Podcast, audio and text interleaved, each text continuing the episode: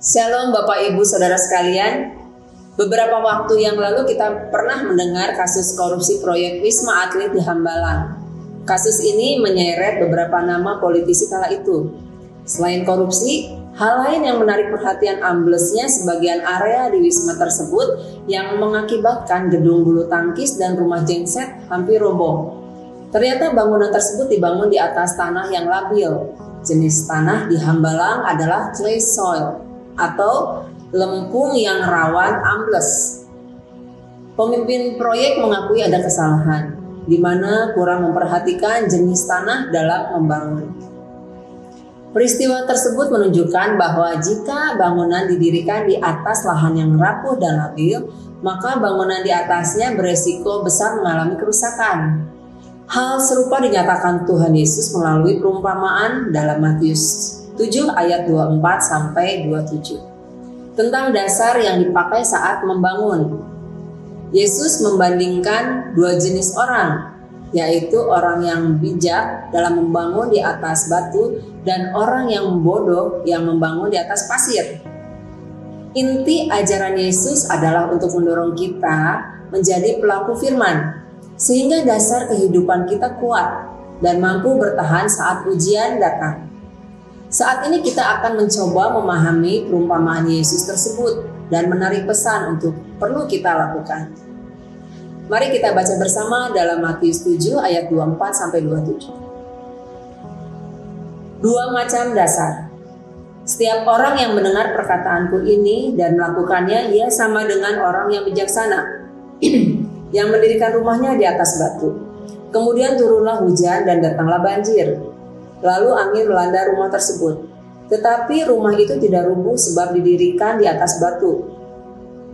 Setiap orang yang mendengar perkataanku ini dan tidak melakukannya, ia sama dengan orang yang bodoh, yang mendirikan rumahnya di atas pasir.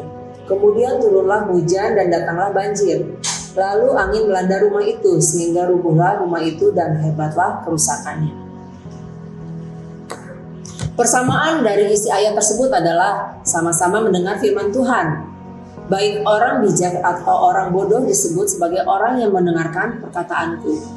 Keduanya adalah orang yang memberi telinga kepada perkataan Yesus, bahkan mungkin sama-sama antusias mendengarnya. Sumbernya sama, perkataannya sama, tidak ada perbedaan sama sekali. Yang kedua, sama-sama membangun rumah. Rumah dalam perumpamaan ini adalah gambaran dari sebuah kehidupan. Artinya setiap orang yang membangun kehidupan berdasarkan pendengaran mereka akan pesan Yesus. Ini berarti bahwa kedua orang tersebut mempercayai pesan tersebut sampai pada titik tertentu. Yang ketiga, sama-sama diterpa badai. Dalam ayat 25 dan ayat 27 bahwa kedua rumah tersebut sama-sama diterpa hujan, banjir, dan angin. Hujan, banjir, dan angin adalah kiasan yang dapat diartikan sebagai ujian hidup berupa masalah yang datang. Perhatikan bahwa orang yang datang mendengar firman Tuhan dan taat sekalipun juga tidak lepas dari ujian hidup. Perbedaannya, yang satu jadi pelaku firman dan yang satunya hanya pendengar. Baik orang bijak maupun orang bodoh sama-sama mendengarkan firman Tuhan. Tetapi orang yang bijak tidak hanya mendengarkan saja, ia melakukannya juga. Mendengar dan melakukan firman Tuhan digambarkan sebagai rumah yang berpondasi batu, yaitu kehidupan dasarnya kokoh. Sedangkan orang yang bodoh hanya suka mendengarkan firman Tuhan, nah tapi tidak melakukannya. Hanya mendengarkan firman Tuhan digambarkan sebagai rumah yang berpondasi pasir, yaitu kehidupan yang dasar dan rapuh dan goyah.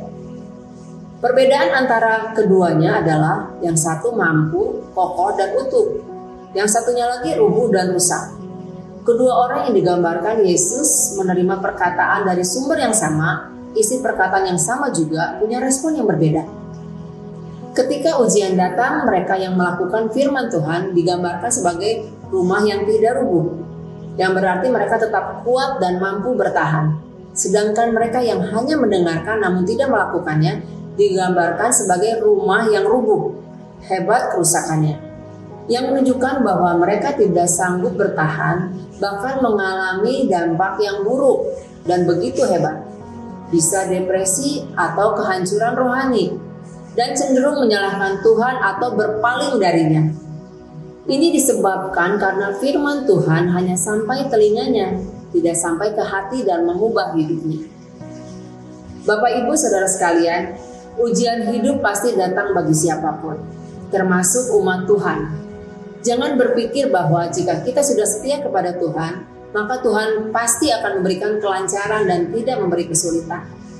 Justru Alkitab mengajarkan bahwa orang yang setia kepadanya akan diterpa kesulitan hidup, baik berupa kegagalan, kehilangan, sakit penyakit, dan lain sebagainya. Kita bisa melihat tokoh-tokoh seperti Abraham, Yusuf, Daud, para murid Yesus Paulus bahkan Tuhan Yesus sendiri pun mengalaminya. Ujian hidup bisa dilalui jika kita setia melakukan firman Tuhan. Meskipun ujian hidup menimpa semua orang Kristen dan sama-sama dialami oleh mereka yang setia maupun tidak, dampaknya akan berbeda. Satu-satunya kunci agar mampu bertahan dan berdiri teguh saat ujian datang adalah dengan menjadi pelaku firman yang setia Jadilah seperti orang bijak yang membangun rumah di atas dasar batu. Mengapa orang rentan depresi berkepanjangan? Mengalami kepahitan yang tidak berkesudahan. Mungkin karena tidak sepenuhnya melakukan firman Tuhan. Oleh sebab itu, jadilah pelaku firman Bapak Ibu Saudara sekalian. Mari kita membangun di atas batu dan bukan pasir maka kita bukan hanya menjadi pendengar, tetapi juga menjadi pelaku dari setiap firman yang kita baca, renungkan, dan lakukan dengan setia dalam kehidupan sehari-hari. Dengan demikian, kita akan kuat saat diterpa ujian kehidupan. Amin. Terima kasih, Tuhan Yesus memberkati.